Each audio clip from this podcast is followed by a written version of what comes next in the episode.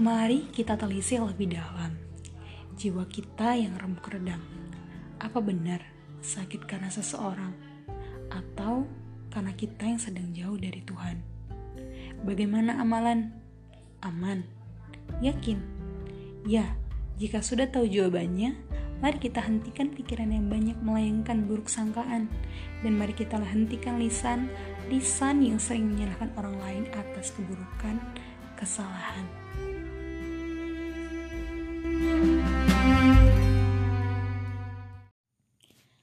Akan selalu ada ketidakpuasan di hati-hati kita para insan yang meminta selalu banyak, namun sedikit dalam memberi.